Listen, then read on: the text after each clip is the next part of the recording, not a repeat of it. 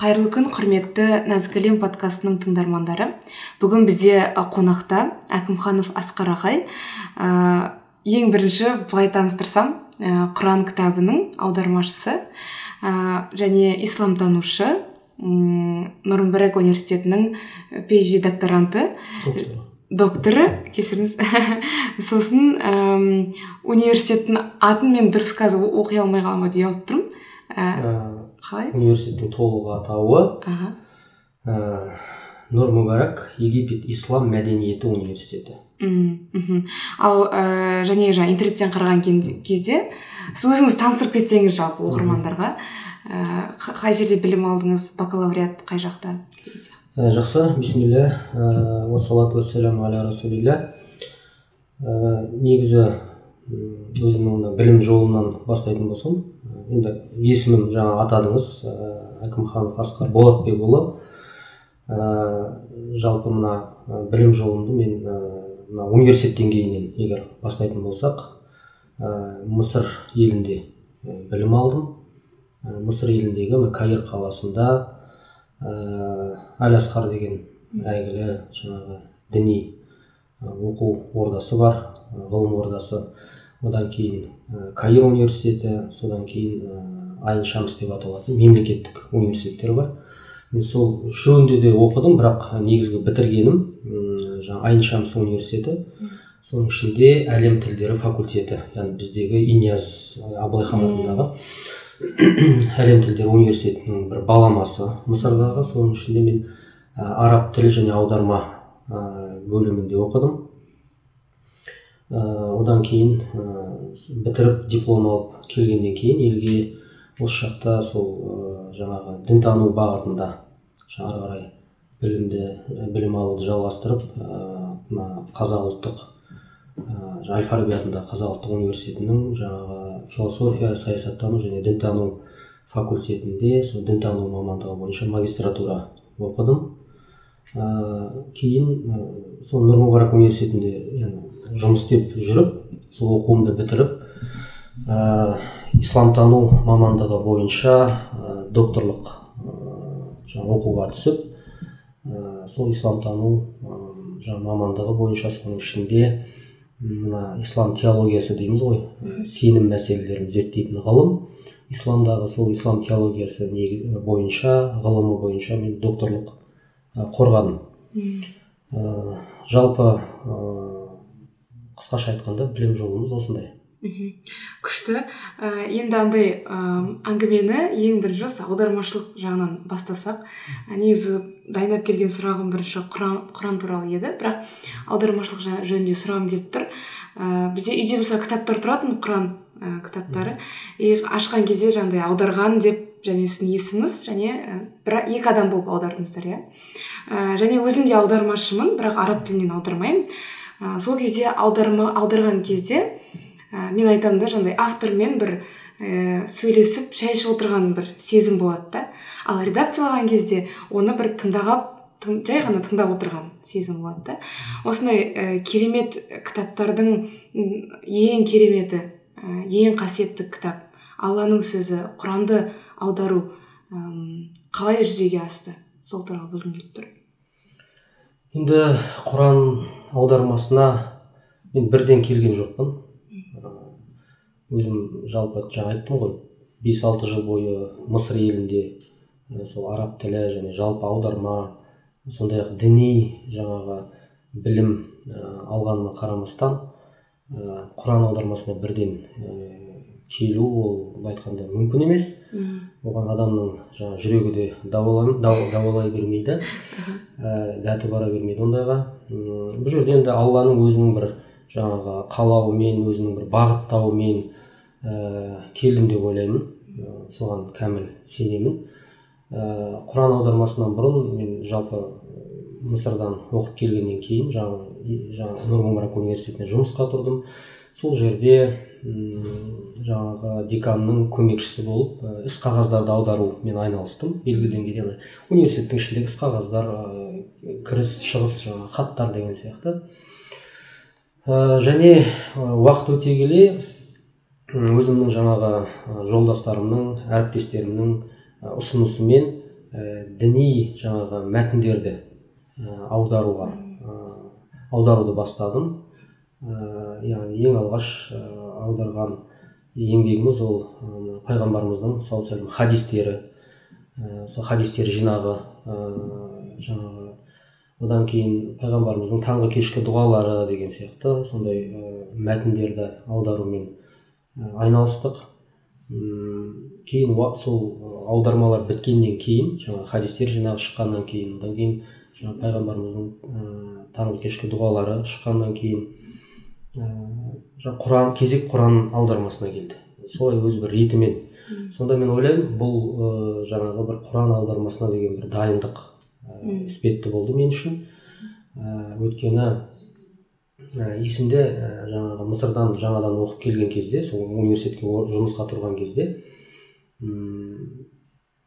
енді мен өзім мысырда сол аударма ісі деген пән оқығаннан кейін белгілі деңгейде маған ондай бір қатты қиын болған жоқ бірақ кейбір ә, әріптестеріміз ә, жаңағы арабша жақсы білгеніне қарамастан ә, оны қазақша жеткізуде қиналатын. Яғни арабша түсінеді иә. керемет түсініп тұр сөйлемді мысалы оқыған. Бірақ оны қазақша жеткізу. Әдемі жеткізу иә. Бір ә, бірге жұмыс істеген ә, танысым бар еді. Жаңағы ол ректордың көмекшісі болды мен деканның көмекшісі болдым бір кабинетте отыратынбыз сонда ол кісі айтатын ә, жалғас деген ә, жаңағы бауырымыз. Өзі мына әл фараби атындағы қазақ ұлттық университетті бітірген шығыстану факультетін ара, арабист. Сол айтатын кейде өзімді бір ақылды жаңағы ә, иттер болады ғой солар солай сияқты сезінемін дейді да. Жаңағы арабша сөйлемнің бәрін түсініп тұрасың бірақ айта алмайсың дейді да. Былай айтқанда ана ақылды иттер болады ғой адамның сөзін түсінеді бірақ сөйлей алмайды. Сол сияқты сезінемін дейді да. Сол сияқты былай айтқанда ә, сондықтан жаңағы құран аудармасы ол оңай емес әрине ол алланың сөзі. Өзіңіз айтқандай біріншіден ә, ең қасиетті ә, кітап ә, өте былай айтқанда бай жаңағы мазмұнға ә, кітап болғандықтан ә, оны ә, жаңағы жеткізу ә, қазақша сөйлету былай айтқан кезде оңай емес. енді бұл алланың қалауымен сондай бір дайындық арқылы ә, келдім негізі бұл жұмысқа. Күшті ал қанша уақытта аударып бітірдіңіздер және бұл мындай мағыналық аударма ғой мысалы құранның түрлі аудармалары бар. Ә, осы құран kz деген бізде не бар? Жаңағыдай платформа жүктеп аламыз. Соның ішіндегі осы аударма осы сіздердің аудармаларыңыз иә? Және ә, бірге бір ағаймен тоже аудардыңыздар ғой да сол қалай? Нұрлан анарбаев ағаймен да. Осы кісімен қалай бөліп алдыңыздар? Соны неше уақытта бітті бұл жұмыс? Ә, негізі құран аудармасына мен ә, қазір енді қателеспесем екі мың тоғызыншы жылдары шамамен бастадым. Ә, жаңағы енді ол кезде де бірқатар аудармалар болды. Мысалы халифа алтай атамыздың аудармасы жарық көрген болатын. Ә, сондай ақ ә, уақып қыдырханұлы одан бұрын жаңағы ратбек қажы ә, нысанбайұлының аудармалары шықты. Ә, және ә, жаңағы ақытұлының ә, аудармасы шыққан болатын. Енді осы аудармаларға қарап ә, қарап отырып ә, жаңағы ә, кейбір оқырмандардан ә, бұл кітапты аудармаларды оқимыз бірақ түсінбейміз. Иә yeah, әсіресе халиф алтай атамыздың аудармасы. Енді ол негізінен мәтінге негізделіп аударылғандықтан енді араб тілінің өзіндік бір сөйлем құрылысы стилистикасы бар. Ә, қазақ тілінің өзіндік жаңағы сөйлем құрылысы бар жаңағы жүйесі бар тілдік. Сол себепті мәтінге жаңа көбірек ә, жаңа тәуелді аударма болғандықтан ол қазақ тілінде жаңағы арабша білмейтін мәтінмен салыстыра алмайтын адамға әрине түсініксіз болады.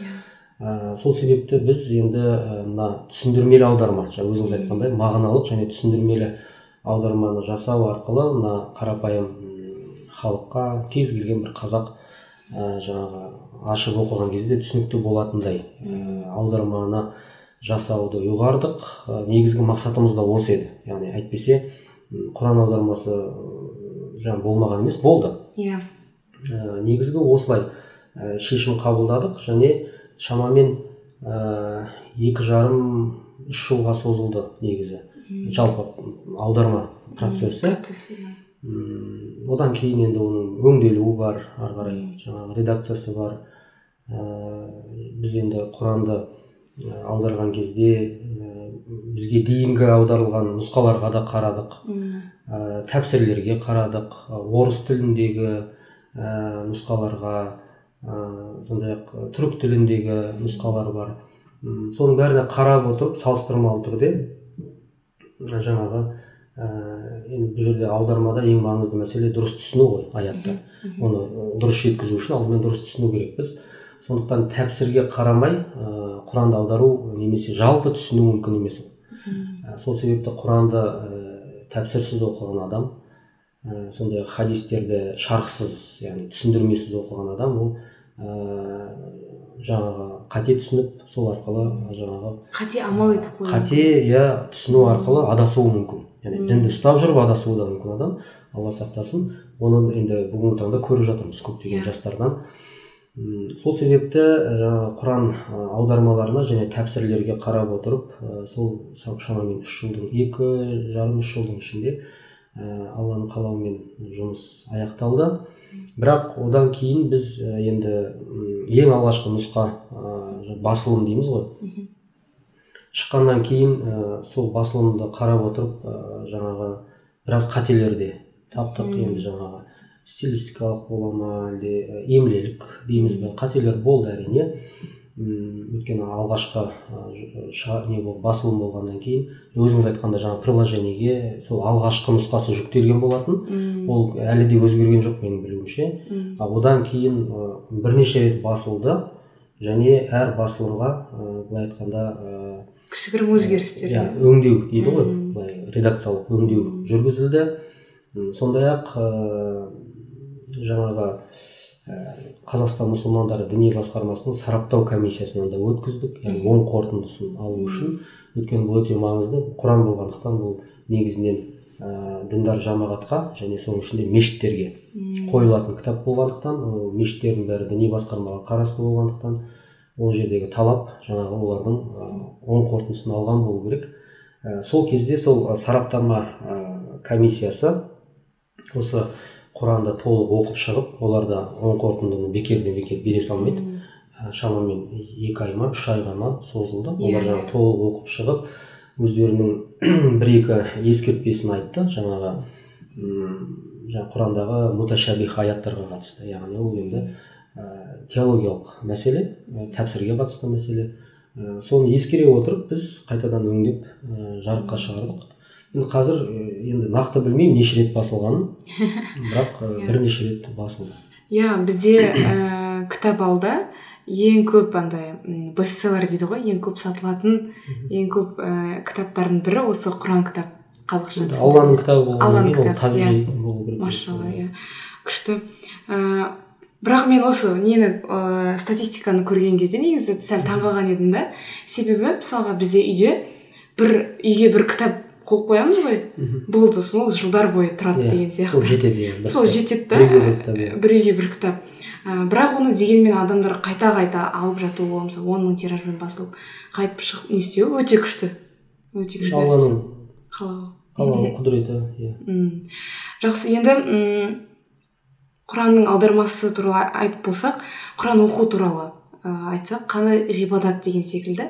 Ә, алда осы ережеп айы кірді. Ә, алда қасиетті рамазан айы шағбан айы шағбан айы және рамазан айы келе жатыр. Ә, және айтады ғой осы егер де ә, алламен сөйлескің келсе ә, намазға тұр ал алланың сенімен ә, сөйлесіп саған тіл қатқанын қаласаңыз ә, құран оқыңыз деген сөздер оқыған едім ә, жалпы құран оқу қандай ә, ғибадат? Оның құндылығы қандай? Енді сұрағыңыздың өзінде де тұр бұның жауабы. Ә, құран оқу ол құлшылық. Ә, жалпы оқудың өзі құлшылық. Былай айтқанда енді кітаптардың ішінде сол алланың кітабы болған осы ә, құранды ә, түсініп оқысаңыз да түсінбей оқысаңыз да ол құлшылық ә, жасаған болып саналасыз. Сол арқылы сіз және тиісті сауабыңызды аласыз. Яғни тіпті түсінбей оқыған күннің өзінде негізі. Ә, бұған қатысты енді құран оқудың артықшылығына қатысты ә, пайғамбарымыздан жеткен хадистер өте көп. Соның ішінде кімде кім ә, құранның жаңағы бір әрібін оқыса оған сауап жазылады деген. Тіпті ол он есеге көбейеді деген. Ә, әлиф ләм мимді мен бір әріп деп айтпаймын дейді пайғамбарымыз. Әлиф бір әріп ләм өз алдына бір әріп мим өз алдына бір әріп деп яғни әр әріпке ә, бірден онға дейін сауап жазылатындығын айтады. Ә, ендеше жалпы құран бұл ә, уахи ғой уахи ә, жаңағы қайнар көзі уахи болып табылады құранның. Ә, уахидің өзі екіге бөлінеді. Әл уахи әл мәтлу деп айтылады. Бірінші түрі екіншісі әл уахи ғайр мәтлу деп айтылады. Яғни оқылатын уахи яғни оқылатын уахи дегеніміз оқу арқылы құлшылық жасаған боламыз соны және сауап аламыз. Міне осыны оқылатын уахи деп айтады. Бұл құран. Ал енді оқылмайтын уахи деген ол ә, құдси хадистер мен пайғамбарымыздың хадистерін айтсақ болады. Өйткені оның да қайнар көзі уахи пайғамбарымыз хадистерін дінге қатысты айтқан кез келген сөзін өз ойынан айтқан емес ол да алланың білдіруі арқылы айтқан. Бірақ ол мысалы хадистерді ашып қойып біз құлшылық мақсатында оқымаймыз. Оны жаңағы түсіну үшін иә амалға асыру үшін ғана оқимыз. Ал енді құранды һәм түсіну үшін һәм амалға асыру үшін һәм құлшылық жаңағы мақсатында оқимыз. Өйткені өзіңіз білетіндей ә, діннің ә, жаңағы тірегі болған ең негізгі құлшылық ол намаз. Намаздың ә, парыздары бар. Ол парыздар өтелмесе намаз өтелген болып саналмайды. Соның бірі ә, жаңағы тилауат яғни намазда құран оқу. Ә, сондықтан бұл жерде құран оқудың енді құлшылық екендігі ол даусыз және оны оған көптеген сауаптардың жазылатындығы да хадистерде келген. Сіз жаңа айтып кеттіңіз құранның арабшасын түсінбесек те оқудың пайдасы туралы. Және бұл адамдар былай түсінбей қалуы мүмкін да қалай ол пайдалы болады деген сияқты. Және осы кезде жүректің тазаруын ә, айтып кетеді да жүректің тазару процесін. Түсінбесек те жалпы құран. Ә, сонда бұл процесс қалай жүреді? Әлде біз тек ақылмен түсіндіре алмайтын нәрсе ма бұл? Енді ә, құран деген ол алланың сөзі болғандықтан ол рухани былай айтқанда иләхи кітап болғандықтан оның рухани жағы да бар ғой былай айтқанда. Ә, сол себепті түсінбей оқыған күннің өзінде адамның жан дүниесіне ол ә, әсер етеді. Қайткен күнде алланың сөзі болғандықтан қасиетті сөз болғандықтан ә, ол құраннан бөлек кез келген ә, жақсы сөз адамға әсер етеді. Ол түсінсін түсінбесін бұны өзіңіз білетіндей мына қазіргі ғылымның дамыған кезеңінде бірқатар ғалымдар да дәлелдеді. Жаңағы ә, сөздің ә, жақсы немесе жаман сөздің суға әсері. Иә осыны зерттеген жапондық ғалымдар болған. Үм, яғни ә, суға болсын өсімдіктерге болсын мысалға жақсы сөз оң әсер етеді. Ә, жаман сөз ә, керісінше ә, кері әсер ететіндігі ол ә, ғылыми тұрғыда дәлелдеген нәрсе. Міне ә, енді оны бұрынғы орта ғасырда бұрынғы заманда бәлкім оны олай түсіндіре алмайтын едік. бірақ қазір ғылымның дамуымен сондай бір керемет жаңалықтардың ашылуымен біз қазір оп оңай түсінеміз бұл нәрсені. Яғни адам қалай бір кітапты оқиды түсінбейді бірақ содан ә, пайда алады иә рухани пайда алады ә, деп жаңағы жүрек рухани жүрек қой сол жаңа сіз айтып отырған. Жүректің тазаруы деген рухани жан дүниенің тазаруы рухтың тазаруы жанның тазаруы. Міне сол ә, құран арқылы жаңағы құран оқу арқылы иә тікелей әсер етеді адамға. Күшті сосын мысалға кішкентай балаларға да ә, олар қатты түсінбеуі мүмкін бірақ түсініп жатады жалпы. Әсерленіп жатады. Иә әсерленіп жатады. қандай тіпті кейбір адамдар бар. Ә, жаңағы құранды естіген кезде яғни нақышына келтіріп құранның оқылу ережелері бар ғой. Тәжвид ережелері дейміз өзінің заңдылықтары бар. Әр әріптің өзінің ә, жаңағы махраж деп айтады дыбысталып дыбысталу ерекшеліктері бар. Ә, сол жаңағы ережелерді мына фонетикалық ә, және ә, тәжвидтік ережелерді сақтап отырып құранның ақысын беріп отырып ол жаңағы нақышына келтіріп шебер оқыған жағдайда ол кез келген адамға тіпті мұсылман емес болса да ә, әсер етеді деген бір не бар сондай ә, тұжырым бар. Ә, және оны кейбір ә, кезінде енді құран оқумен ә, жаңа айналысқан сол құранды нақышына келтіріп оның өзі бір ғылым ғой өз алдына. Ә, жаңа ағаларымыз болған мысалы мысырда мысыр елінде жалпы ә, құран көп оқылады өте. Және құран оқитын ә, жаңағы қариялар өте көп. Міне сонда бір ағамыздың айтқаны есімде ә, мен дейді университетті бітіріп ә, кейін жаңағы жұмысқа ә, тұрған кезде енді діни салада жұмыс істейді бірақ кейде ә, енді жаңағы имам болғаннан кейін ә, жаңағы әртүрлі жерлерге қонаққа шақырады елдер жаңағы. Сонда кей, кейбір үйлерге барамын дейді. Кәдімгі діннен алыс адамдар дейді да мысалға былай айтқанда светский орта дейміз ғой. Иә, сондай иә, иә. ортада жүрген дүниелік жаңағы ә, ортада жүрген иә мақсатта жүрген адамдарға барамын ә, солардың ортасында енді құран оқыған кезде дейді жаңағы өзінің нақышына келтіріп бүкіл ережелерін сақтап ә, солардың да әсерленгенін былай айтқанда анық көрдім дейді да соны. Одан бөлек енді өз басымнан да өткен бір жағдай бар. Ә, бір туысымыз жақын туысымыз қайтыс болып енді ас береді ғой бізде.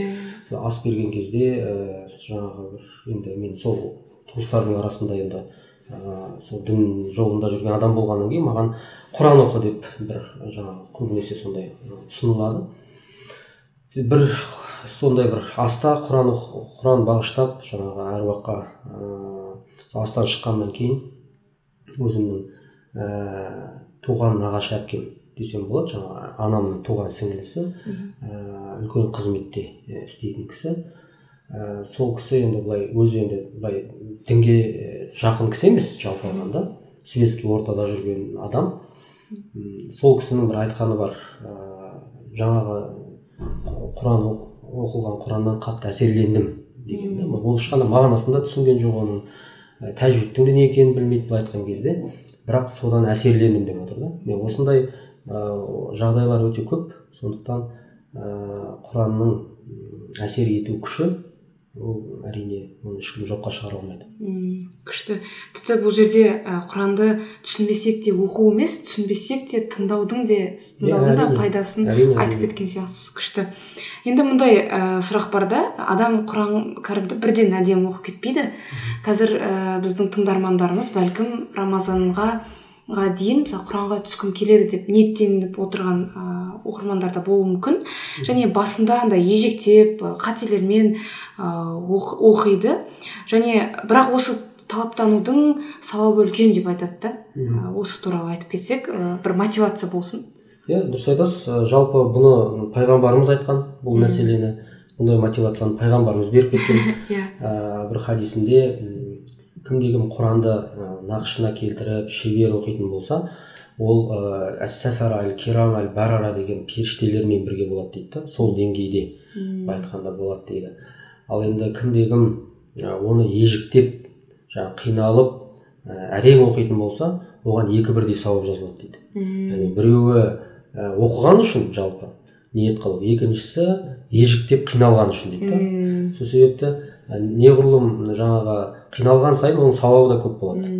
Ә, жаңағы әрине құранға түсемін деп ниет ету ә, бұл әсіресе мына қасиетті айлардың алдында болады бұл бұндай нәрсе көбінесе бұл өте жақсы. Ә, ниет еткеннен кейін соған қарай ұм, амал ету керек. Өйткені ол ниет жайдан жай пайда болған нәрсе емес. Ол жаңағы алланың бір бағыттауы. Адамды тура жолға ә, білімге ә, бағыттауы деп білу керек алланың бір сыйы деп білу керек оны. Соны ә, беріп тұрған ә, сыйды кері қайтаруға болмайды. Яғни өйткені жаңа алладан келген сый ол былай айтқанда өте құнды. Ә, ондай ниет ол сондай бір сый сол себепті оны кері қайтармай ондай ниет ондай ой келген кезде адам бірден жаңағы соны суытпай иә амал амалға асыру керек. Ә, және ежіктеп ыыы жаңа бастайды ғой енді бәрі оқыған кезде бірден керемет оқып кете алмайды ешкім. Ә, оны жаңағы ә, ежіктеп оқып ә, жаңағы соған қарай ә, уақыт өте келе ә, адам өзін жетілдіруге болады. Ол тіпті ә, құранның қасиеттілігі сонда ғой. Ә, ол біздің тіліміз емес араб тілінде түскен. Бірақ құранды жаңағы оқу арқылы соған машықтану арқылы араб тілін мүлдем білмейтін жаңағы қаншама адамдар бар. Бірақ құранды өте шебер оқиды. Тіпті акцентсіз оқиды деп айтсақ болады. Яғни арабтардың өзі оны тамсанып тыңдайтындай деңгейде ә, сондай деңгейге жететін адамдар да бар. Бірақ араб тілін білмейді ол. Міне адамның енді ниетіне байланысты бәрі. Және еңбек етуіне байланысты. Алла соған қарай береді. Күшті машалла. күшті иншалла осы ә, ниет еткен адамдардың бәріне ә, құранға ә, түсуін ә, тілейміз. Жеңіл түсуін деп айтайын деп жаттым да ол сөзді алып қалдым. Екі бірдей сауаптан ә, жеңілдік тілеген ол дұрыс негізі. Дұрыс па? А болды қина қиындықты сұрамаңдар дейді ғой. Қиындықты тілемеңдер бастарыңа. Бірақ ә, келсе бастарыңа қиындық оған сабыр етіңдер дейді. Ал енді ә, тілейтін болсаңдар жеңілдік тілеңдер дейді. Әр нәрсенің жеңіліне болуын тілеңдер дейді. Сонда пайғамбарымызға да ә, пайғамбарымыздың бір сүннеті бар. Оған екі іс ұсынылса оның жеңілін таңдайтын еді деген. Сондықтан ә, дін ол жеңілдік бәрінен бұрын. Сол себепті ә, жеңіл жолдарын да қарау керек негізі. Күшті. Жақсы онда ә, жеңіл түсуіңізді Иә, иә. түсулерін тілейміз. Әмин. ә, әмин одан кейін ә, мындай сұрақ құран кәрімнің осы ә, мағыналық аудармасын жасадыңыз ғой? Және осы мағынасын ә, өз тілімізде оқудың маңызы қандай деген сұрақ қойғым келіп тұр. Себебі андай болды ағай менде ә, мектеп кезінде. Ол кезде ешқандай діни кітап оқымаймын бірақ ә, құран кітапты алып оқып көрейінші деп оқығанмын ғой мағынасын.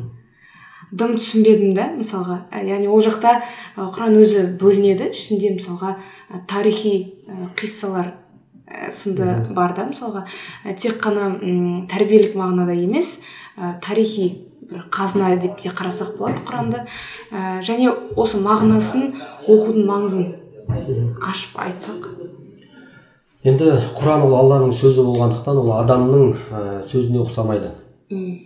Жалпы адамға қарата айтылған сөз болғанымен ол жалпы мына стилистикалық тұрғыдан ә, адамның сөзіне ұқсамайды. Оны тілдік мұғжизасы деп айтамыз құранның. Құранның мұғжизалық қырлары өте көп. Соның ең негізгісі тілдік тілдік тұрғыдан мұғжиза болу. Бұны ә, арабтардың өзі сонау жаңағы құран түскен замандағы арабтардан бастап қазіргі арабтарға дейін бәрі мойындаған. Сол себепті ә, құранды ә, жаңағы өзіміздің тілде оқығанда да әу баста мүлдем діни ә, әдебиеттер оқымаған діннен хабары жоқ адамға ол түсініксіз болуы табиғи. Ә, өйткені құранның өзіндік ә, стилі бар ә, өзіндік жаңағы мазмұны бар.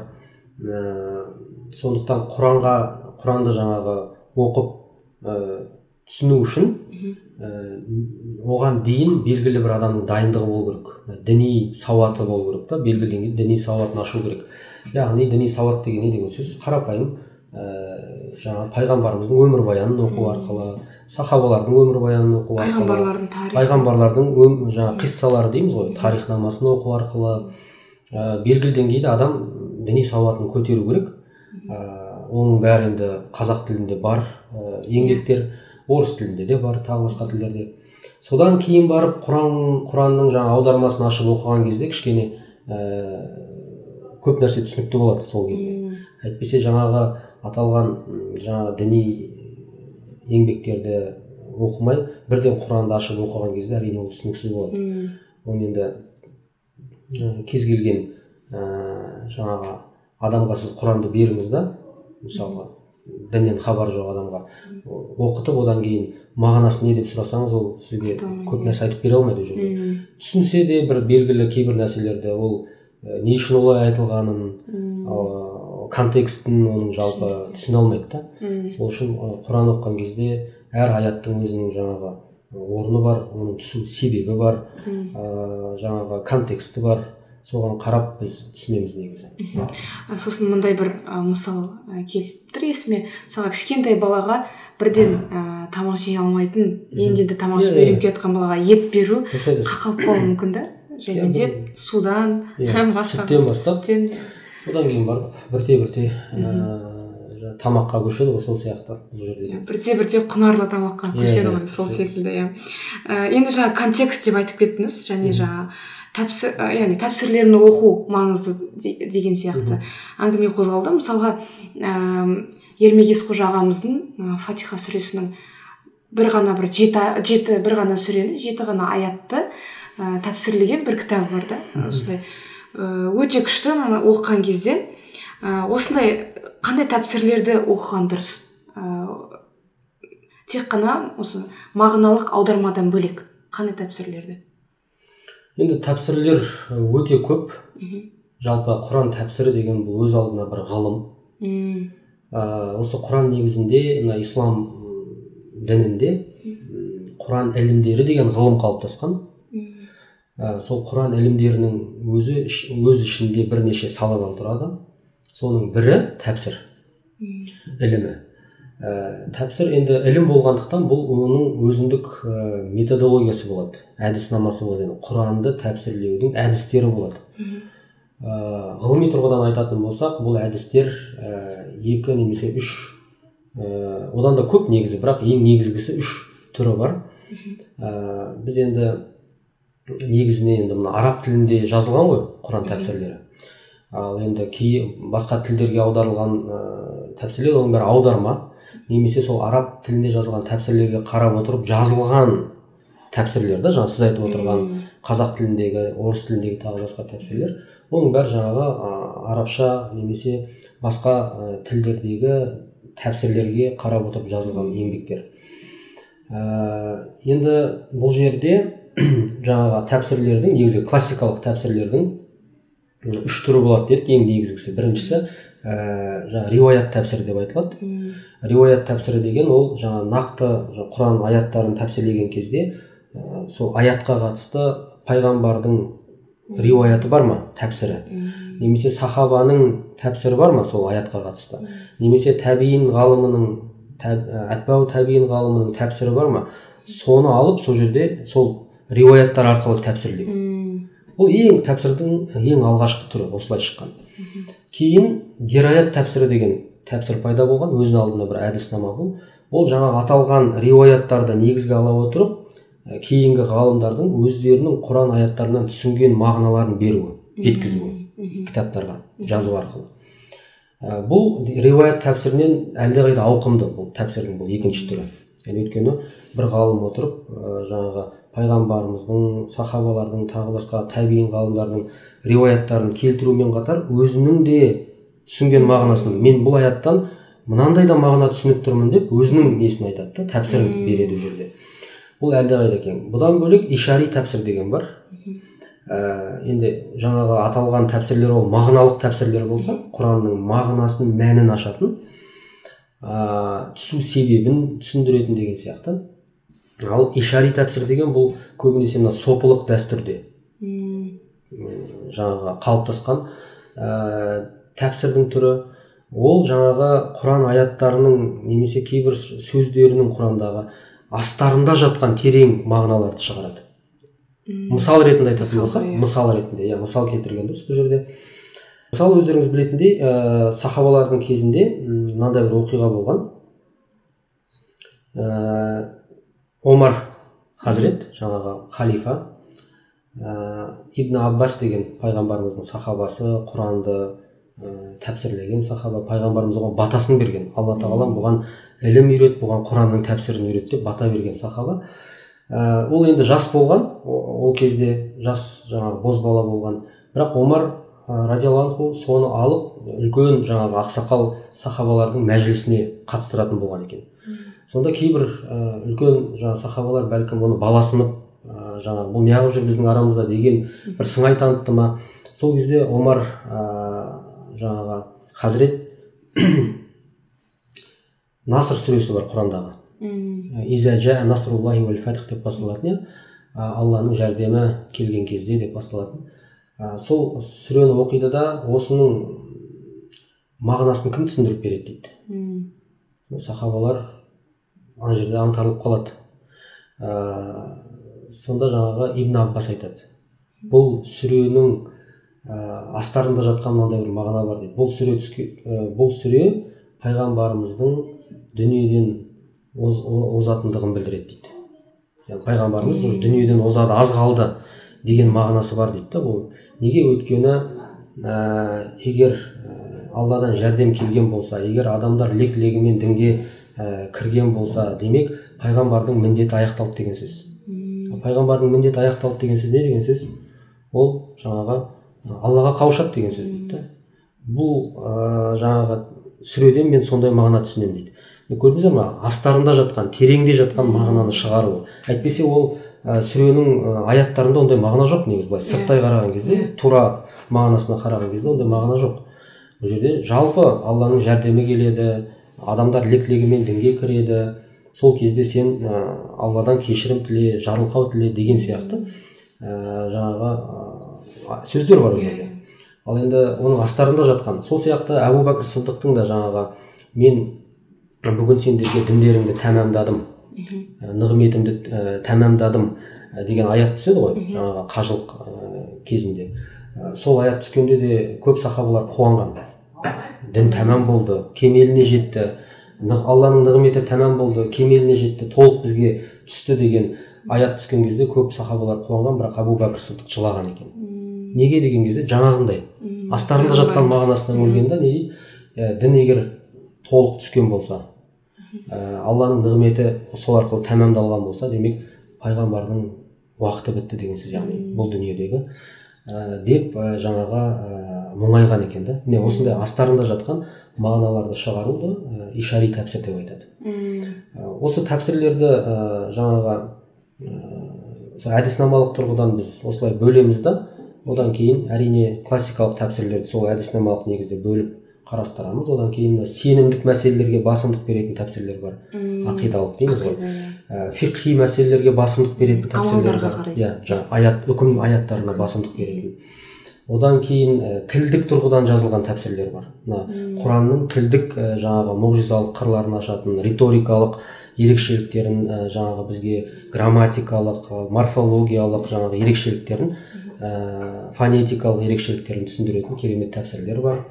Міне осындай жаңағы әр ғылым жаңағы саласы бойынша тереңдетіп жазылған тәпсірлер де бар. Енді оның бәрі өкінішке орай қазақ тілінде жоқ. Әрине ол классикалық тәпсірлердің бәрі араб тілінде жазылған.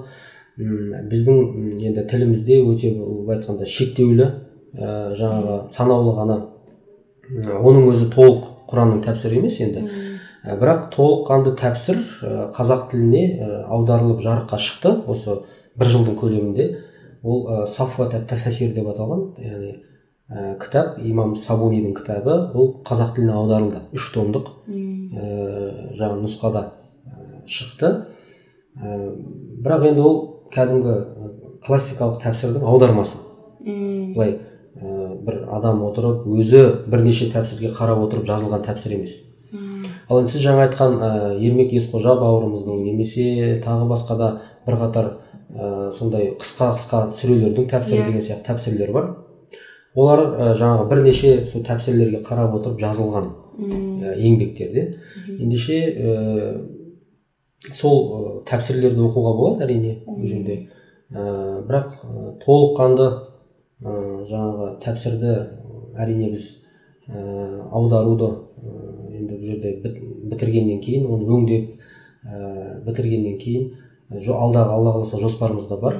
Ә, ең бірінші кезекте құрандағы ә, жаңағы маңызды маңызды деген қазіргі заман тұрғысынан yeah, алғанда yeah. қоғам шарттары шарттары тұрғысынан алғанда маңызды деген аяттарды бірінші солардың қысқаша тәпсірін жазу. Одан кейін толыққанды бір тәпсірге отырсақ па деген алла нәсіп етсе сондай бір жоспарымыз бар. бірақ енді ол жаңағындай бір он томдық он бес томдық андай классикалық тәпсірлер сияқты тәпсірлер болмайды. Бірақ бізге қазір мысалға бір үш томдық ары кетсе төрт томдық тәпсір жетеді деп ойлаймын. Иә өмірге бір қолдануға амал етуге оңайырақ болатындай күшті. Ә, рахмет ағай жауабыңызға. Ә, иншалла осы жоспарларыңыз орындалып біз алла қаласа керемет керемет иә тәпсірлер оқиық. Ағай енді мындай сұрақ. Ә, бізде көбінесе андай ә, қазіргі заман бір ғаламтордың заманы болғаннан кейін семинарлар онлайн жаңағы курстар көп та. Және біз араб тілін де солай қазір көбінесе үйренуге мүмкіндік болып жатыр. Жаңағы медресеге арнайы бармай ақ иә, иә. деген ғой арнайы тікелей ұстазсыз. Ә, және осындай ә, бұны селф стади деп атаймыз. Ә, сондай ұстазсыз өзіміз үйренудің үйренсе қалай болады жалпы араб тілін? Әлде кейде ойлаймын да жай араб тілі бір үлкен теңіз сияқты көрінеді да. Ә, бір ұстазсыз мүлде бір никак сияқты да келмейтін сияқты. Еш соны қалай бізге бағыт бағдар берер едіңіз? Енді араб тілі бұл өте бай тіл. Яғни құранның тілі болғандықтан ол бекерден бекер құран араб тілінде түскен жоқ. Өте бай тіл. Біріншіден ә, сол оның әрібі де жалпы әліппесі де мүлдем бөлек. Енді кезіндегі бабаларымыз енді оны таныған ғой. Төте жаңағы араб әріптерімен жазған иә. төте жазу дейміз біз. Ә, ол кезде енді бір ондай бір қиындық болды деп ойламаймын. Ал қазір әрине ол бір нөлден бастап үйренетін бір тіл. Сол себепті енді интернеттен білім алуға болады. Әрине әртүрлі курстар бар ә, бірақ интернеттен білім алғанда да ол жерде де жаңағы белгілі бір ә, нелер бар ғой. Оқытушылар болады ғой. Иә иә. Ұстаздар онлайн. Иә. Ол бәрібір ұстазсыз былай айтқанда. Тек қана кітаптардан үйрену ол мүмкін емес араб тілін өйткені әр әріптің өзінің жаңағы дыбысталу ерекшеліктері бар. Ә, одан кейін жаңағы әріптерді меңгергеннен кейін оны қалай жазу керек қалай бір бірімен жалғау керек. Оның бәрі жаңағы өзінше бір үлкен дүние. Ә, сол себепті ә, интернет арқылы әрине оқуға болады бірақ жаңағындай бір белгілі ә, оқытушымен ә, байланыс құру арқылы оқыған жөн. Ал енді одан да ә, дұрысы немесе пайдалысы ол әрине ә, кәдімгі офлайн дейді ғой. Бір адамды тауып мүмкіндігінше репетитор дейміз ба ә, еңбек ақысын керек болса төлеп ә, жаңағы үйренгенге жетпейді әрине. Ә, жаңағы өйткені араб тілі болғандықтан ол өте бай және өте күрделі тіл. Ә, бірақ енді бұл жерде ә, араб тілін толыққанды меңгеру ә, неше уақыт алады деген де сұрақ туындауы мүмкін. Иә ол қазір мына қазіргі трендтерге байланысты жаңағы төрт күнде арабша сөйлетеміз ә, бес күнде жаңағы арабша оқытамыз деген сияқты жарнамаларды yeah. Иә. кездестіреміз ғой интернетте. Бірақ бұл енді бір не ғой жарнама ғой. Адамды тарту. Бірақ ә, араб тілін түсінетіндей хадистерді арабшадан түсінетіндей кітаптарды оқитындай деңгейде ол әрине оған жылдар керек. Яғни оған жылдар керек. Жылдарыңызды арнау керексіз көп еңбектену керексіз. Өйткені араб тілі құран тілі болғандықтан ә, құран қандай ә, асқақ болса азиз деген бір сөз бар. Азиз деген ол асқақ үстем ұлы деген мағынаны білдіреді. Ол өзін оңайлықпен адамға ашпайды. Оңайлықпен берілмейді адамға. Ә, адам неғұрлым соған ұмтылып ынталанып еңбек етсе сол кезде барып оған ашылады да құран. Сол сияқты құранның тілі болған араб тілі де сондай. Яғни ол үстем тіл да оны толыққанды бір түсіну үшін адам көп еңбектену керек. Соған соны жақсы көріп соған қарай ұмтылу керек. Сонда ол өз өзін ашады оған өз өзін береді былай айтқан кезде. Ә, бұл енді әрине қажырлы еңбекті талап етеді әрине. Бірақ қазір осы өзіміздің елде жүріп ақ араб тілін меңгеріп жатқан жастарымыз бар. Яғни университетте оқып жүріп меңгеретіндер бар былай курстарға қатысып жүріп меңгеретіндер бар. Тіпті араб елдеріне бармай ақ арабтармен тең деңгейде сөйлесетіндей яғни өзінің ойын толық жеткізе алатындай м кітап оқып түсінетіндей жаза алатындай деңгейге жеткен жастарымыз бар. Мысалы біздің нұр мүбарак университетін бітірген ә, жаңағы ынталы бір, шәкірттеріміз өте көп. Соның ішінде олар араб елдеріне бармай ақ арабтардың деңгейінде араб тілін білетіндер бар. Үйренген сондай деңгейде. енді ол әрине ынтаның еңбекқорлықтың арқасында. Мхм. Күшті. Және көбінесе мысалы былай ғой бір ә, бұл дін саласы жалпы бір үлкен мамандық үлкен ғылым ғой. Сол салаға ә, бармай ақ та мысалға арабша бір үйренгіміз келетін бір талпыныс байқаймын да жастардан да. Жалпы тіл ретінде. жалпы иә тіл ретінде. Олай да демек мүмкін емес нәрсе жоқ болады болады болады әрине. Тіл ретінде де оқуға болады. Ол міндетті түрде жаңағы исламтанушы болу үшін яғни дінтанушы болу үшін ә, емес жалпы араб тілін білу үшін. Өзім өзім үшін дейді ғой адам болады ғой. Yeah. өзім үшін өзіме қызық сол деп ойлайды да кейбір адамдар. Соны үйренеді. Әрине болады. Ешқандай былай айтқанда бір тіл бір адам дейді ғой. Иә иә. ондай оның зияны болмайды керісінше оның пайдасы болады екі тіл білсең екі адамсыз иә, дейсіз екі адамсыз өйткені тіл білу арқылы сіз ә, тек қана жаңағы белгілі бір сөздердің мағынасын ә, оқылуын жазылуын ғана үйреніп қоймайсыз. Сол ә, жаңағы тілдің жаңағы халқы бар ғой өзінің. Елі бар. Ә, солардың мәдениетін үйренесіз. Жаңағы салт санасын үйренесіз ғұрпын үйренесіз былай айтқанда көп көкжиегіңіз ашылады да сол кезде көп нәрсеге. Ә, және андай құранның ә, бір ә, арабша ғой енді құран. Ә, сондықтан андай бір нағыз оригиналдан оқыған бір күштірек секілді. басқаша басқаша секілді. Әсері басқаша секілді. Ә, көп көп рахмет. Енді осы қасиетті үш айда құранмен ә, берік байланыс орнату туралы сөйлессек ол үшін ә, құранды оқу ә, араб тілінде және ә, мағынасын жаңа әртүрлі тәпсірмен оқып соған ә, үшіншіден жаңа амал ету. Ә, осы берік байланыс деп ә, десек бола ма осындай әрине. функцияны? Ә, енді одан артық ә, қандай байланыс болуы мүмкін? Бұл жерде өзіңіз айтқандай ә, құранды арабшасынан оқып одан кейін соның мағынасын оқып қасында енді мына мәт арабша мәтін тұрады қасында бірден қазақша аудармасы тұрады ғой немесе орысша аудармасы немесе тағы басқа тілде. Ә, соны оқып одан кейін соған қарай сол түсінген адам сол ә, түсінгеніне қарай амал ететін болса ол құранмен толыққанды былай айтқанда ә, байланыс құрған және құранмен жүрген болып саналады.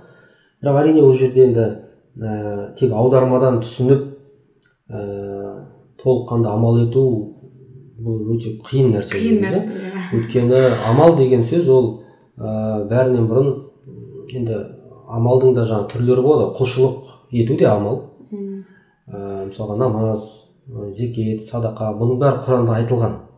Намаз оқыңдар деген зекет беріңдер деген садақа беріңдер деген тағы басқа құлшылықтар бұйырылған.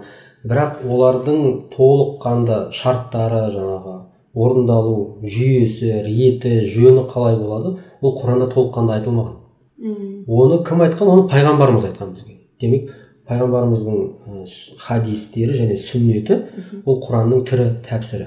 Ә, сол үшін құранмен амал ету үшін ол тек қана құранның аудармасын оқу жеткілікті болмайды. Оқып түсіну ә, хадисті білу керек сүннетті білу керек ә, сондай ақ енді бұл жерде құлшылықтан бөлек ә, көркем мінез құлыққа баулитын иә бұйыратын қаншама аяттар бар. Жақсылыққа ізгілікке баулитын аяттар бар. Оларды енді аудармадан түсініп ә, амал ете беруге болады онымен ал енді мына құлшылықтарға келген кезде ол әрине фиқх ілімін оқу арқылы пайғамбарымыздың хадистерін сүннетін түсіну арқылы ә, солай ғана амал ете аламыз. Күшті. Сонда ә, исламдың үлкен ғылым десек ә, құран оның теориясы болса пайғамбарымыздың қайнар көзі. Қайнар көзі иә қайнар көзі болса. Ал ә, пайғамбарымыздың өмірі жүріп жеткен жолы соның ә, практикасы дейсіз ғой да? Практикасы иә. Тірі тәпсірі деген сол практикасы ғой. Іс жүзінде ә, құранды қалай оқып қалай түсіну керек қалай онымен жүру керек. Соны пайғамбарымыз іс жүзінде көрсеткен сүннет деген сол. Сол үшін айша анамыздан пайғамбарымыз жайлы келіп ә, сұрайды ғой кейбір адамдар. Ол қандай кісі еді? деп. Енді пайғамбарымыз дүниеден озып кеткеннен кейін сонда пайғамбарымыз айша анамыз айтады ғой сендер құран оқымайсыңдар ма? дейді ғой. Иә. Ол жер бейне бір жер бетінде жүрген тірі құран еді ғой дейді. Яғни сол жауап жеткілікті деп ойлаймын жалпы былай айтқанда қарағанда. күшті. Ә, бізде просто ағай мен кейде сұрақты әдейі қоямын да. Себебі тыңдармандар андай бәрі бірдей ә, діни деп айта алмаймын. Иә әрине. Сол үшін ғой.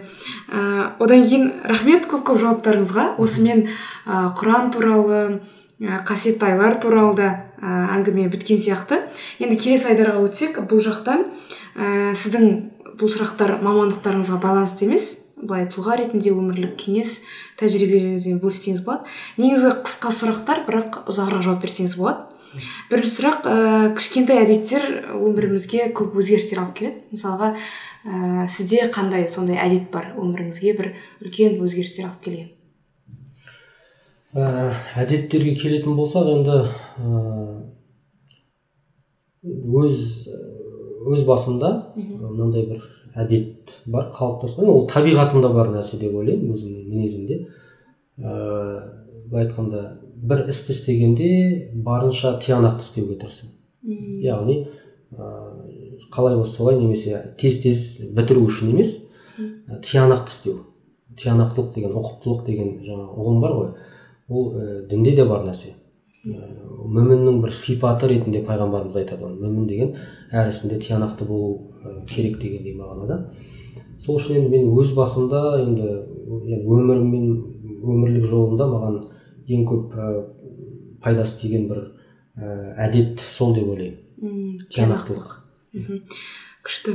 Екінші сұрақ ә, басында ұнамсыз көрінгенмен кейін нәтижесінде сіз үшін қайырлы болған бір оқиға.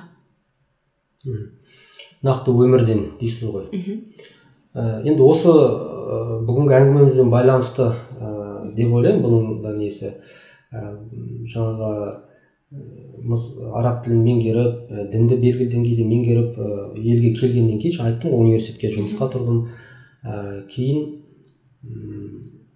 бірақ маған ә, отырып ертеден кешке дейін отырып жаңа кітап кітаптарды ашып қойып ә, жаңағы сол кітаппен жаңағы жұмыс істеп ә, аударма жасап ә, бір нәрсені жазып сызу бұл ұнамайтын басында былай айтқанда ішім пысып кететін. Сондай жұмыста істеп отырған адамдарды көргенде ішім пысып кететін қашып кететін ондай жерлерден. Сөйтіп ә, бір ә, мысырда бірге оқыған бір бауырымыз ә, осындай бір кішігірім жаңағы баспа ашып сол жерге өзі танитын жаңағы достарын тартты. Енді арабша білетін жалпы мамандарды. Сөйтіп жаңа діни әдебиеттерді аударайық немесе жазайық деп сондай бір бастама көтеріп ә, сол бір күні жаңағы мен университетке іздеп келіпті. Мені тауып алып жаңағы қолында бір несі бар? Кітабы бар. Жаңағы арабша ма бір кітап. Нақты есімде жоқ. Сөйтіп маған алып келіп беріп жатыр ғой. Мынаны сен бір аударып көрші ә, көрейік қалай? Қаламың қандай жалпы? Жазу стилің қандай екен? Егер жақсы ұнаса бізден тапсырыс алып жаңағы аударма жұмысын істесеңіз болады деп. Ә, одан бөлек те бір екі жерден сондай аударма баспалардан ұсыныс түскен болатын. Бірақ мен бәрінен бас тарттым сол кезде. Мен жоқ дедім мен ондай жұмыс маған ұнамайды мен отыру деген уже мен, маған жүріп жүріп істеген жұмыстар ұнайды дедім енді ары бері. Ә, содан бас тарттым. Кейін жарайды деп ол кісілер ә, кетті. Ә, содан айналып келіп бір ағамыз ә, енді дінге жан ашыр сондай бір ә, кәсіпте жүрген кісі. Маған пайғамбарымыздың жаңағы хадистері ә, жаңағы имам науауидің хадистер жинағы бар ғой. Соны әкеп осыны бір аударайық деп едік елге жеткізейік деп едік. Осыны сен алсаңшы деп жаңа ұсынды. Ол кісіге сол кісі кісі арқылы негізі ұсыныс жасап отқан жаңағы жолдас балам екен кейін түсіндім иә оған мен де бас тарттым ғой оның ұсынысынан. Кейін ана кісіні араға салып жаңағы сондай ұсыныс мен ол, кісіге де айттым да мен жоқ мен істей алмаймын мен енді бұл жер ар жағында өзімнің жаңағы нем тұр ғой мінезім тұр ұнатпаймын ол нәрсені отырғанды былай айтқанда. Сөйтіп ол кісі жарайды деді ары ары айтты бері айтты содан мен көнбей көнбейтін болғаннан кейін жарайды деді да. Бірақ соңында бір сөз айтты сол маған қатты тиді. Ә, сүйектен өтеді дейді ғой қазақта. Жақсы деді өзің білесің деді. Тіпті ақша жағымен де маған нетті. Стимул берді иә. Осыны бір жақсылап аударып шықсаң дейді саған мынанша жаңағы қаражат иә қаламақы төлейміз деген сияқты. Оған да мен көнбедім. Өйткені біріншіден жаңағы отыруды ұнатпаймын. Екіншіден ә, ол жай бір кітап емес ол пайғамбарымыздың сөздері. Оны енді үлкен бір жауапкершілік оны дұрыс жеткізе алмасам ертеңгі күні мен ол үлкен жауапкершілік қой. Сол жағынан қаштым да негізі. Бірақ негізгі себеп жаңағы жалқаулық қой. Ә, сол болып тұр. Ә, содан ол кісі айтты жарайды деді өзің білесің мен мен, мен ұсындым. Ә, бірақ деді сен үлкен бір ә, жаңағы қызметтің алдын жауып тұрсың деді да. Айтқанда адамдарға ә, бір керемет бір ә, құнды дүниені жеткізу деген бір үлкен дін жолында алла жолында үлкен бір қызмет тұр. Ә, оны сен негізі істей аласың қолыңнан келеді өйткені сенің жаңағы бүкіл нең бар араб тілін білесің қазақ тілін білесің деген сияқты.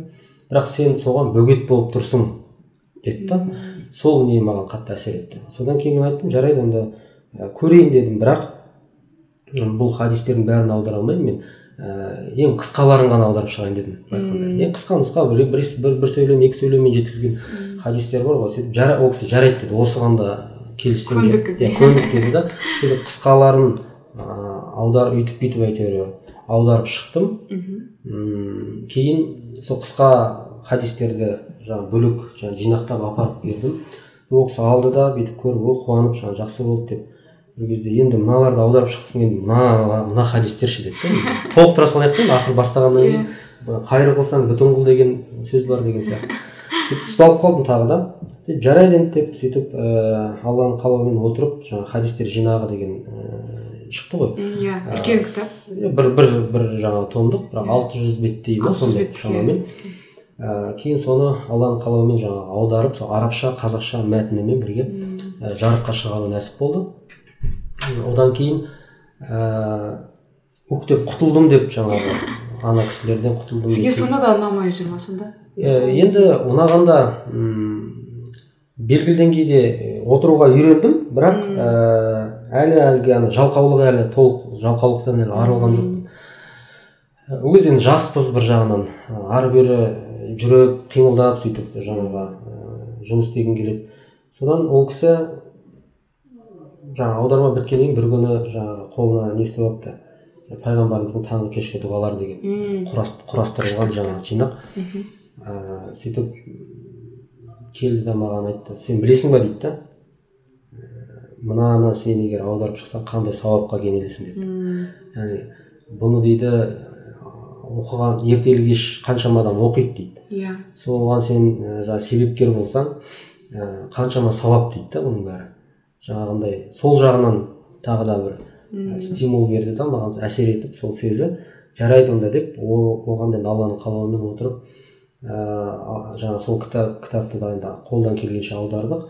Бірақ бұл бәрі жаңа басында айтқанымдай құран аудармасына алып келе жатқан бір ііі бір не болды да дайындық болды да дайындық этабы кезеңі болды деп айтамын. Ойлаймын. Осылайша ақырын ақырын енді отыруға да үйрендік. Ақыры енді қайырлы болды деп ойлаймын. Басында ұнаған жоқ. Өйткені құранда да алла тағала айтады ғой сендер кейбір нәрсені ә, жақтырмайсыңдар ұнатпайсыңдар бірақ түбінде ол сендер үшін қайырлы болады. Ә, кейбір нәрсені тіпті қатты ұнатып жақсы көрулері мүмкін соның соңына түсіп қуылары мүмкін сол нәрсені бірақ ол нәрсе түбінде сендерге ә, жамансыз жаман болуы мүмкін. Яғни жам, ә, былай айтқанда қайырсыз болуы мүмкін деген аят ііі іс жүзінде осылайша машалла. күшті. сіздің анау таңғы кешкі дұғаларды ол адамдар андай бір оқып қана қоймайды да мысалы пайғамбарымыздың дұғалары иә ой кешіріңіз иә сол пайғамбарымыздың осылай айтады кейбіреулер айтады сіздің хадисіңіз дейді да. Ой менің хадисім емес ол пайғамбарымыздың хадисі. Мен просто жай аударғанмын деймін. Иә. Сол сияқты. Ну ауызға просто ойында иә сол. жалпы былай күшті бірінші курстан бергі мысалға кітап. Қазір мысалы төртінші курс қанша жыл оқып келе жатыр машалла. Рахмет еңбегіңізге. Одан кейін мындай сұрақ адамның негізгі жауапкершілігі әр жағдайда дұрыс таңдау жасау жасай білуге тіреледі да мысалға. Ал дұрыс шешім қабылдау үшін сізде мысалға қандай ұстанымдар қандай қағидаларға сүйенесіз? Дұрыс шешім қабылдау үшін ә, ең негізгі ұстаным ол асықпау керек. Байыптылық дейді ғой. Байыптылық таныту керек. Асығыс қабылданған шешімдер көбінесе қате болады. Яғни оң нәтиже бермейді. Бұл біріншіден ә, екіншіден ә, ойлану керек. Ойлану да бір құндылық қой бұл былай айтқанда. Ә, осыған байланысты біздің кезінде сол университеттің негізін қалаған үлкен ә, ректорымыз болған жаңағы фахми хиджази деген мысыр елінің үлкен профессор академик. Араб тілі ұйымының үлкен әлемдік деңгейдегі жаңағы мүшесі болған. Сол кісі айтатын мына қазақтардың маған ұнайтын бір құндылығы дейді қасиеті дейді. Бір нәрсе ұсынсаң дейді мынандай жұмыс жасайық мынандай іс қылайық деп бірден қабылдамайды сенің ұсынысыңды дейді да. Бірден шешім қабылдамайды. Ойланайық деп айтады дейді да жаңағы сол сияқты ойлану да өте маңызды құндылық. Одан кейін үшінші бұл жерде шешімнің дұрыс дұрыс болуына әсер ететін тағы бір маңызды фактор құндылық ол ә, кеңесу. Яғни ә, тәжірибесі бар өмірлік иә, білімі бар ә, сондай үлкен кісілермен адамдармен ә, яғни қандай мәселеге қатысты шешім қабылдағыңыз келеді сол мәселені білетін ә, сол саланы білетін мамандармен ақылдасу. Міне осы байыптылық ойлану ә, және ә, ақылдасу арқылы шешім қабылдайтын болсақ біз енді ә, алланың қалауымен енді қателеспейміз деп ойлаймын. Машалла күшті. Және жаңағы кеңесу деген кезде жаңағы алла тағаламен бірінші кеңесіп истихара намазы ол истихара деп айтады дұрыс айтасыз иә. Ол өте маңызды. Ә, алладан сұрау бірінші Иә, кеңесті бұл маған қайырлы болса нәсіп ете көр егер бұның қайыры болмайтын болса менен қашық ете көр деген сияқты мағынада пайғамбарымыздың истихара дұғасы бар намазы бар арнайы. Ниет қылып соны істеп одан кейін барып ә, Адам басқа жаңағы кейбір адамдар ойлайды истихара намазын оқып дұғасын жасап түс көруді күтіп жүреді. Иә. Ол түс көру шарт емес ыыы түспен түспен де білдіруі мүмкін түс арқылы да білдіруі мүмкін. Алла тағала қаласа қаласа жай ғана ә, себептерді жеңілдетіп жолды ашуы мүмкін егер қайырлы болса адам. Бірақ адамның міндеті алладан сұрап өзінің ісін аллаға тапсырғаннан кейін ә, ары қарай ә, соған қарай әрекет ету. Егер шынымен қайырлы болса сол ә, әрекеті оң болып былай айтқанда нәтижеге жетеді. Ал егер ә, қайырсыз болса алла тағала оның алдына бөгеттер қояды да оның жаңағы алды жабылады содан ол өзі түсінеді бірден адам. Бұл маған қайырсыз екен ғой мм түсінікті рахмет. Ә, келесі сұрақ. Адамды бірінші кезекте құндылығына сай бағалау керек деп айтамыз. Сіз үшін ең басты құндылық қандай? Адамның бойында болу керек. Ең басты құндылық енді адамның ә, жаратылыс мақсатына сай құндылық болу керек деп ойлаймын. Ол ең біріншісі ол имандылық. Өйткені алла адамның жаратылуының мақсаты ол хақты тану мен сендерді маған құлшылық етсін деп жараттым деген аят негізінде құлшылық ету үшін бірінші тану керекпіз алланы. Ә, демек адамның ең негізгі мақсаты бұл әлемге жалпы келуіндегі ол хақты тану. Ол негізгі мақсаты. Ендеше ең негізгі құндылық ол имандылық. Екінші құндылық дәл сол адамның жаратылыс мақсатына сай ол жасампаздық деп ойлаймын. Яғни ә, алла тағала құранда айтады ғой жаңағы адамды жарататын кезде періштелерге мен жер бетіне халифа жаратамын дейді. Сонда басында періштелер түсінбейді ә, оның хикметін білмейді ә, сен жер бетінде қан төгетін тағы бір жаратылыс жаратасың ба деп жаңағы сұрақ қояды. Енді ол жерде қарсы келу мақсатында емес жай ғана хикметін білу үшін. Сонда алла тағала ә, адамға көптеген нәрсенің есімдерін атауларын дейді ол жерде ә, білім үйрету дейді ғой ілім беріп ә, сол арқылы періштелерден артықшылығын көрсетеді періштелерге. Сол арқылы оларға ә, сәжде еткізеді. Яғни сәжде ету деген бұл жерде құлшылық мақсатында сәжде ету емес тағзым яғни оны оның артықшылығын мойындау. Адамның артықшылығын мойындау яғни жалпы жаратылыс ретінде.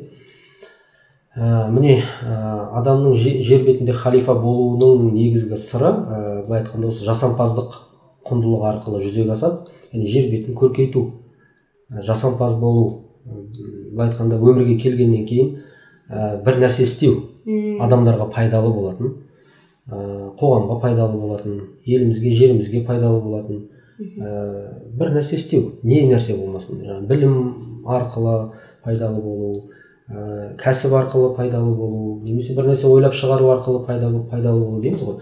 Пайдалы болудың жолдары өте көп. Кез келген адам өз саласы бойынша былай айтқанда адамдарға пайдалы дүниелер істей алады. Ең негізгі құндылық менің жалпы ойымша имандылық. Ол өте ауқымды. Айтқанда мәселе ұғым ә, оның ішіне бәрі кіреді. Имандылықтың ішіне жаңағы адамгершілік бүкіл жаңағы мораль иә? Ә, бәрі кіреді оның ішіне одан кейін жасампаздық ол уже былай айтқанда жасампаз болсаң иә? Не дейді абай атамыз неге. әр неге ә, дегендей ә, сен де бір кірпіш дүниеге кетігін таптап бар қалан дегендей яғни бір ә, қоғам деген бұл бір ғимарат сияқты ғой құрылыс сияқты. Әр адам соның бір кірпіші. Әр адам өзі өзінің кетігін тауып соған барып қаланып былай айтқанда өмірдегі өзінің орнын табу керек та. Ал өзіндегі өмірдегі орнын табу үшін ол ә, жаңағы құндылықтарды білу керек. Яғни ең негізгі құндылық қандай? Ә, сол құндылықтарды білу арқылы соны өз бойында ары қарай ә, жетілдіру арқылы адам былай айтқанда адам деген атына сай болады және өзінің өмірдегі қоғамдағы орнын жаңағы кетігін табады иншалла. Күшті. Енді соңғы сұрақ ә, мынадай. Алып анадан туады деп айтады ғой. Ә, сіздің анаңыздың қандай ә, қасиеттері бар? Қыздар үлгі алса ғой деп айтатындай қандай қасиеттер бар? Енді ә, аналар бәрі қасиетті ғой. Ана деген ұғымның өзі өте қасиетті. Өйткені ә, ананың жүрегіндей ә, жүрек жалпы адамзаттың деңгейінде қарайтын болсақ пайғамбарлардан басқа бүкіл адамзатты алатын болсақ ананың жүрегінде жүрек ешкімде жоқ. Оны тек ана болғанда ғана оны тек аналар ғана сезінеді ондай мейірімді ол баласына деген мейірім ол ә, барлық аналарда бар. Ал енді өз анама келетін болсақ енді менде енді екі анам бар деп айтсам да болады. Бізде енді қазақтың салты бойынша тұңғыш ұлды тұңғыш баланы жаңа атасы мен апасына беріп ә, кішкене ес білгенше сол қара шаңырақта өседі ғой көбінесе. Мен де солай болдым. Ә, атам мен апамның қолында алты жасқа дейін мектепке дейін өстім. Тәрбиелендім. Одан кейін мектепке баратын кезде өзімнің ата анама келдім. Ә, енді апам және анам дейміз ғой бұл жерде. Ә, енді аналарымыздың енді енді өз анамның ең маған бір ә, өмірде бір әсер еткен дейміз ғой. Айтқанда бір із қалдырған ә, құн қасиеті ол ә, тазалыққа өте кірпияз кісі. Былай айтқанда ә, бала күнімнен есімде жаңағы ә, қашан көрсең әйтеуір үйді жуып шайып тазалап ә, ыдыс аяғын бәрін жарқыратып солай өте ұқыпты тазалыққа таза емес үйге барса немесе бір ә, енді салақтықты жек көреді ұнатпайды сондай кісі. Ә, ең маған жұққан деп айтсам да болады енді белгілі деңгейде мен де сондаймын өзім табиғатымда. Ә, бір жер жаңағы кір болып тұрса жаңағы ұнатпаймын жақтырмаймын. Ә, таза болып тұру керек былай айтқан кезде. Ә, кірпияздық сол жағынан маған да ә, берілген деп ойлаймын. Жалпы ең бір енді көп қой қасиеті yeah. Иә. аналардың анамыздың соның ішінде. Бірақ ең негізгісі сол маған былай айтқанда ә, бірінші кезекте әсер еткен өмірімде. Болды ма? жақсы. Ә, көп көп рахмет келгеніңізге. Ә, иншалла барлық тыңдармандарға пайдалы болады деген үміттеміз. Уақыт бөлгеніңізге алла разы болсын. Алдағы қасиетті айлар өтіп жатқан қасиетті ай берекелі болсын. Әмин әмин жаңағы ә, сөзіміздің соңында жаңағы қасиетті айларға қатысты ә, сұрақ қойдыңыз ғой жаңағы сол жауап беру барысында. Сол қасиетті айларда құранға түсу деген мәселе айтылған болатын бірақ yeah. Иә. жауапта қамтылмай қалды кішкене. Ә, қасиетті айларда құранға түсу бұл бір үрдіс ретінде енді қалыптасып қалған үрдіс деп ойлаймын. Соны себеп қылып жаңағы оразаны себеп қылып ә, көп адамдар сол айларда ә, құранға түсіп жатады өзіңіз айтқандай. Ә, бұл бір үлкен не да енді бір науқан деп айтамыз ба сондай бір кезең. Оны қалт жібермеу керек біз негізі. Ол өте дұрыс бір үрдіс деп ойлаймын. Енді ол құранға қай кезде түсемін десе де ол ол жерде қатып қалған не жоқ қой иә, yeah. Иә. бірақ ә, рамазан айының бір қасиеті десек болады бұны. Ә, сол айда ә, тура жолға келетіндер сол құранға түсетіндер ә, намаз бастайтындар намаз бастайтындар иә. Өте көп болады. Бұл енді алланың бір шарапаты деп ойлаймын. Сондықтан бұл науқанды ә, жіберіп алмайық күшті. Тиімді ә, пайдаланайық иншалла күшті сөз қолдандыңыз ана ә, нелерде? Акция скидка иә, деген иә, сияқты. сол акция сияқты ғой ораза деген ол. Сауап тұрғысынан ә, құлшылық тұрғысынан ә, жаңағы бір игі бастама тұрғысынан немесе адам өз өзін өзгерту тұрғысынан дейміз ғой өзгерем өзгерем деп ә, өзгергісі келеді көп адамдар бірақ ә, бастай алмайды соны. Әне міне деп жаңағы ыңғайы келмей жатады. Ә, өзгерудің бір ең тиімді несі? Кезеңі дейміз ба уақыты дейміз ба сәті дейміз ба? Сол ораза айы сол кезден бастап талай адамдар жүз сексен жаңағы градусқа өзгерді ғой. Иә. Ең басты ниет болса алла адамның ниетіне қарай береді дейді ғой. Және ә, бір нәрсе бар да мысалға рамазан айында ол бір ақ ай ғой рамазан айы. Оның алдында мысалы қанша 11 ай бар. Және бұрын мысалға түсінбейтінмін рамазан айында өзгеріп рамазан айында бірден көбірек құран оқып кету деген бір мүмкін еместей көрінеді да сөйтсем қазір ғана ә, соңғы бір екі жылда түсініп жатырмын да ережеп және шағбан айлары бір дайындық айы іспетті рамазан айына.